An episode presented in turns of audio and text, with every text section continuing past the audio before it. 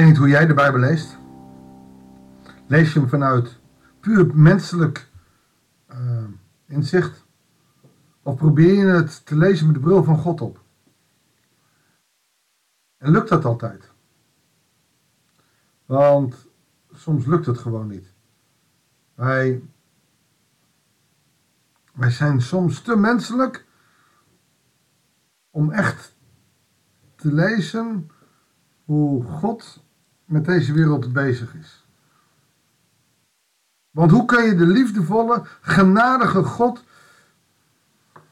ontdekken in heel veel Bijbelverhalen in het Oude Testament? Zo ook vandaag in het boek Twee Koningen. En eigenlijk ga ik je meteen het antwoord geven. Israël is het kind van God. En als er iets met dat kind is, dan maakt hij zich zorgen. En als hij wat doen kan, dan doet hij dat ook. Net zo goed als je hebt zelf een kind en die is ernstig ziek, dan ga je naar de dokter. Zelfs als er iets weggesneden moet worden, dan ga je daarin mee. Want stel je kind heeft kanker, dan wil je dat dat weggehaald wordt, maar dat valt in de kosten ook van iets goeds eromheen, zodat er geen uitzaaiingen kunnen komen. Dat doe je uit liefde voor je kind. Die operatie is helemaal niet lief. Of de kuur die een kind moet ondergaan is helemaal niet lief. Maar uiteindelijk is het doel om het hele kind te redden. Ten koste van misschien een hand, een voet of wat dan ook. Maar wel om een kind te redden. En dat is wat feitelijk ook in twee koningen gebeurt. Wanneer God wat probeert te redden van de chaos die de mens ervan gemaakt heeft. En we gaan ontdekken hoe in 2 Koningen 10 Jehu ehm, eerst afrekent met het koninkhuis van Agab. Omdat dat van binnenuit volledig verrot is. Je zou kunnen zeggen, binnen het volk Israël is dat een kankergezwel. Die telkens doet wat niet goed is in de ogen van de Heer. Dus vandaag een gedeelte uit twee koningen zou je kunnen zeggen een operatie. Goedendag, hartelijk welkom bij een nieuwe uitzending van het Bijbels. 2 Koningen 10, de versen 1 tot en met 17.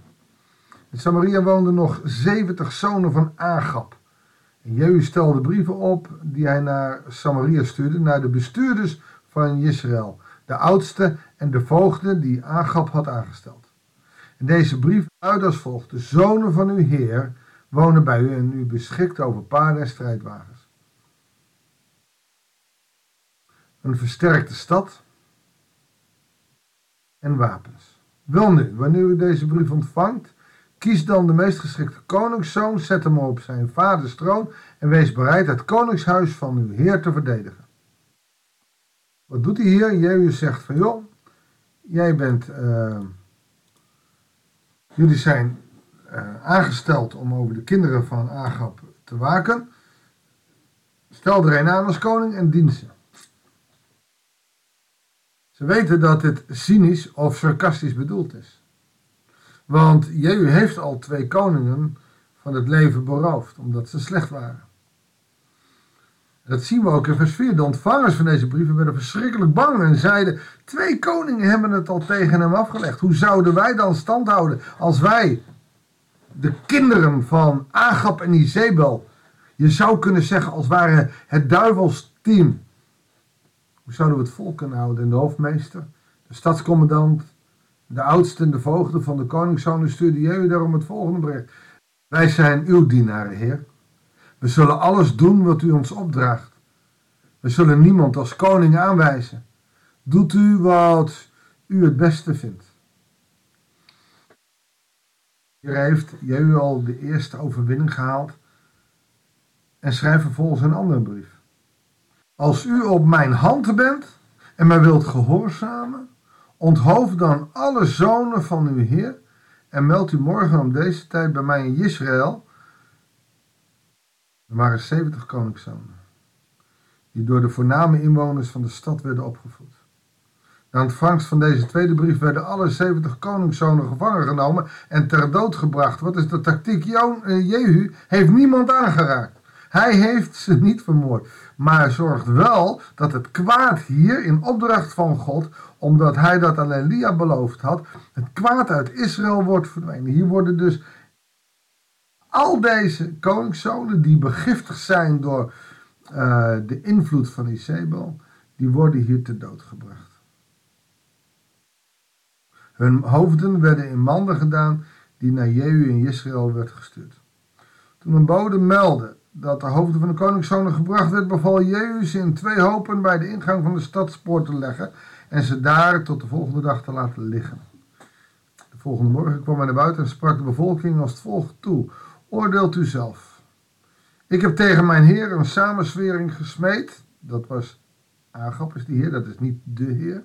En hem vermoord. Maar door wie zijn deze koningszonen gedood? Besef goed dat niets van wat de Heer tegen het koningshuis van Agap heeft uitgesproken onvervuld blijft.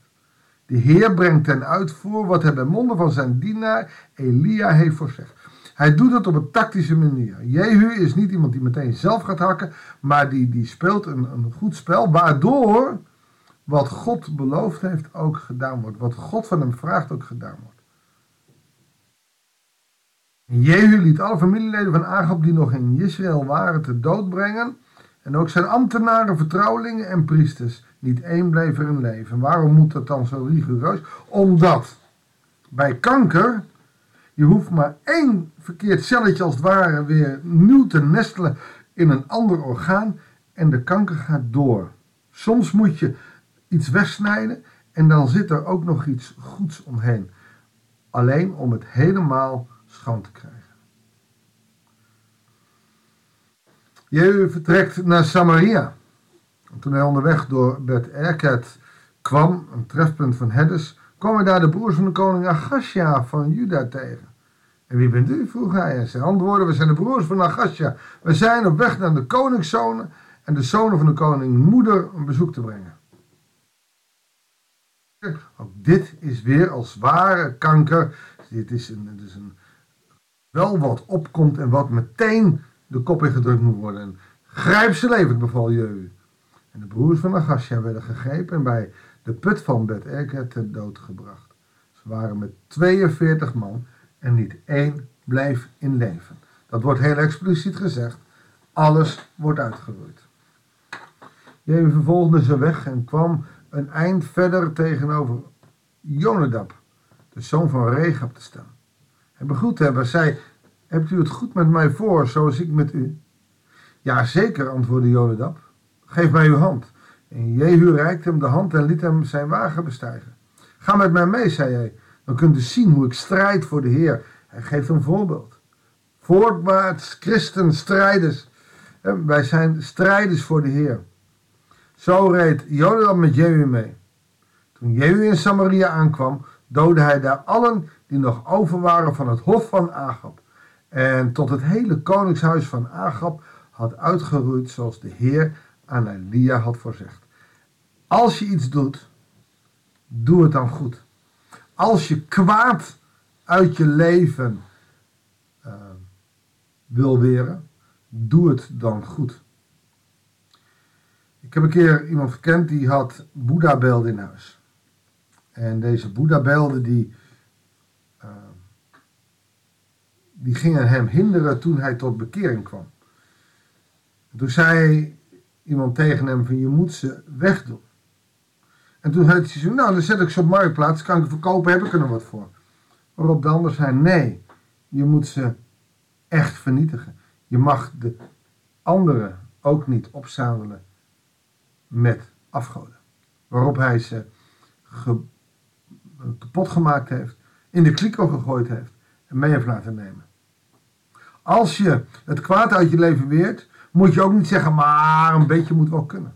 Als je voorneemt niet meer te liegen, dan is een leugentje om best wel ook niet goed. Als je je voorneemt om niet te stelen, dan is een dropje uit de droppot waarvan duidelijk gezegd is dat je die niet mag hebben, ook stelen. Want er zit geen verschil tussen het stelen van een potlood uit de winkel of een dropje uit de bakker bij de kruidvat of een auto stelen. Het is namelijk allebei stelen. En God is daarbij zeer radicaal. Dat zien we ook uit dit verhaal. Dus de oproep aan ons is om het kwaad wat er in ons leven is, ook echt weg te doen. Maar dan ook helemaal weg. Ook niet nog een klein beetje bewaren. En ik weet dat voor heel veel mensen dit soms een strijd is. Ga die strijd aan, want jij bent een strijder voor de Heer en Hij zal met je zijn. Mag ik met je bidden? Heere God, geef ons de kracht om zo uit, ons leven het kwaad te weren. En het is soms moeilijk, omdat we hechten aan het kwaad of omdat we daarmee misschien wel andere mensen kwetsen. Of, Heere God, en daardoor worden wij als christenen soms zo kwetsbaar. Maar in onze zwakheden zijn wij sterk. Heer, zegen ons en help ons om het goede te doen en het kwade echt uit ons leven te weren. Dat bidden we u in Jezus' naam. Amen. Dankjewel voor het luisteren. Ik wens je God zegen en heel graag tot de volgende uitzending van het Bijbelsdagboek. Oh, en nog een klein vraagje voor mensen die de nieuwe app gedownload hebben. Er zijn zeker 200 mensen in ieder geval die deze app al gedownload hebben. En als je nou vragen hebt in de zin van, zou dat niet als aanvulling kunnen, of kan dit niet, of kan dat niet? De ontwikkelaars zijn alweer bezig met de eerste update. Er komt bijvoorbeeld een deelknop, zodat je de hele app kan delen met vrienden, familie of met vreemden. En er komt ook nog een melding op. Wanneer zou jij een stok achter de deur willen hebben, oftewel een melding willen krijgen die je zelf qua tijd kan instellen? Nou, dat zijn nog wat updates die komen, omdat ik die heel graag wil, omdat ik zelf deze podcast ook als stok achter de deur heb. Maar misschien heb jij nog wel iets waarvan je zegt, dat mis ik nou echt in deze app. Dan kan je me die op muurling.passievoorgod.nl geven als feedback. En dan kunnen we kijken wat we daaruit mee kunnen nemen. Dankjewel voor je aandacht. Tot kijk!